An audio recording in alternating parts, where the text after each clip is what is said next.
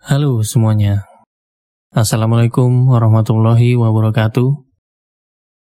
Kembali lagi bersama gua Trio BF. Dan kali ini gua akan bercerita tentang pengalaman mistis yang gua alami sendiri di rumah gua. Yaitu di rumah dinas bokap gua di daerah Jawa Barat. Dan selamat datang di podcast Cerimis. Cerita Misteri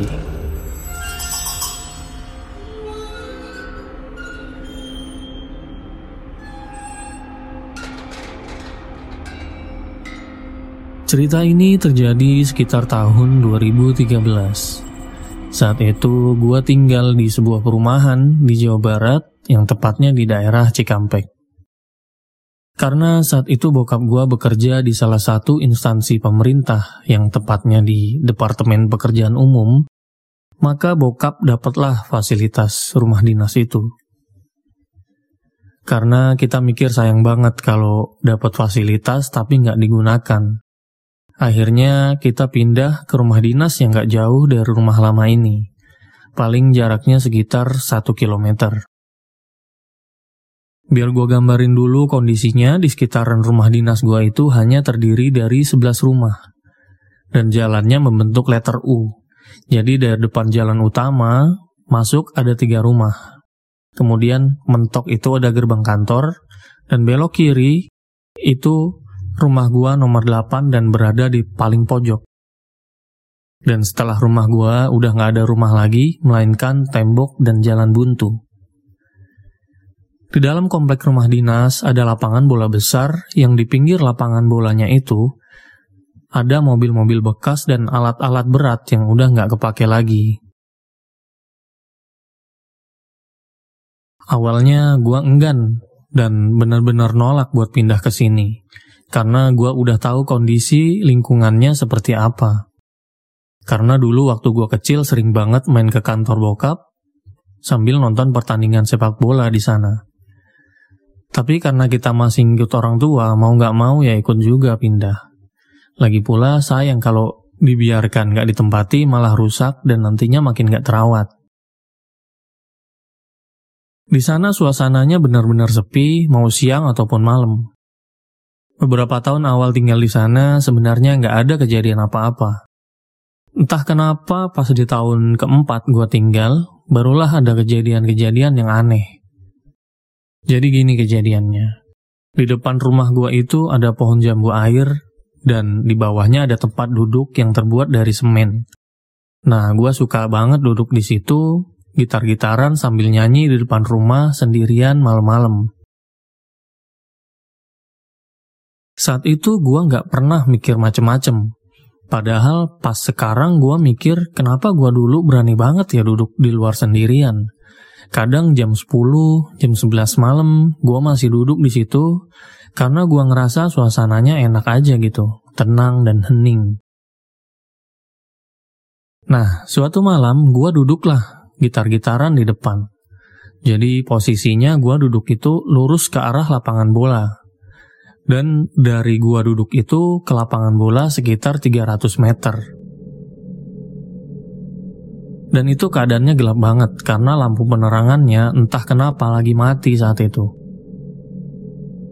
Tapi jalanannya itu masih sedikit kena cahaya lampu dari rumah pertama dari ujung jalan itu. Gua kan posisi rumahnya paling ujung. Tiba-tiba gua ngeliat kayak ada orang jongkok di ujung jalan itu. Tapi nggak jelas karena yang gua lihat kayak item aja gitu.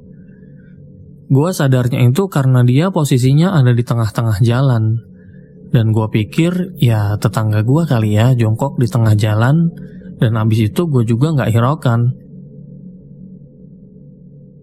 Beberapa menit gue lihat masih jongkok di situ sampai akhirnya gue penasaran dan gue mikir tetangga gue ngapain sih duduk di situ jongkok sendirian gitu. Pas gue mau berdiri nih nyamperin, Baru dua langkah, itu orang tiba-tiba berdiri, terus jalan, dan jalan itu mundur. Jadi badannya tetap ngadep ke depan, dia jalan mundur sampai ke arah kiri pertigaan di ujung jalan itu.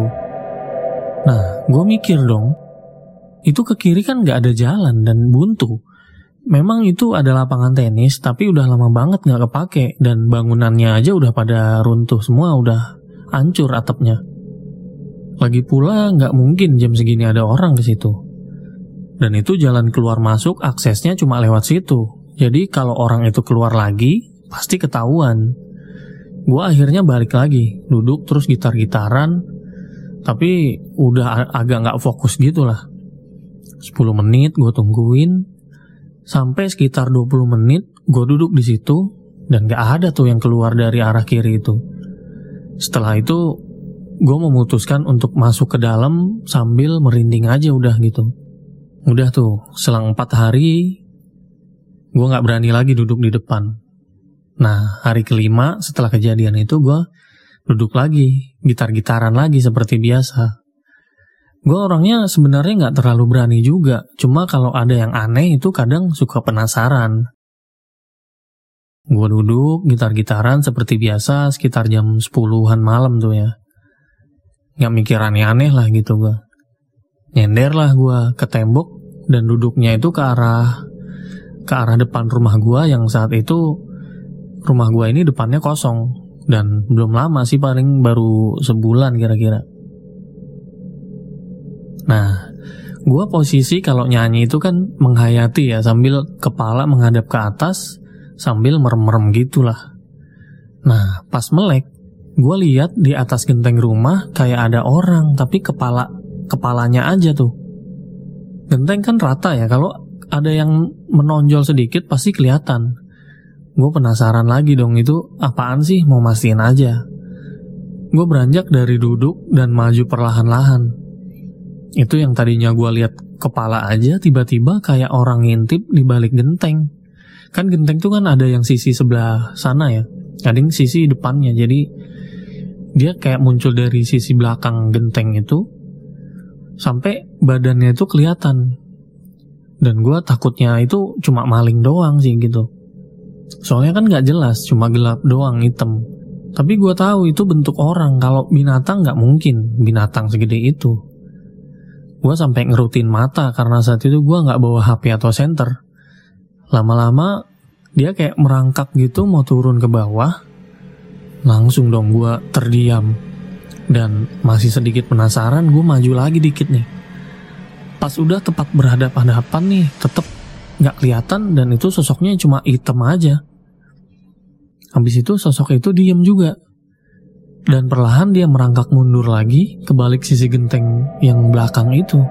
Wah, gue langsung merinding dong dari pala sampai kaki itu gue. Entah apa itu sampai sekarang gue nggak tahu sosok apa itu.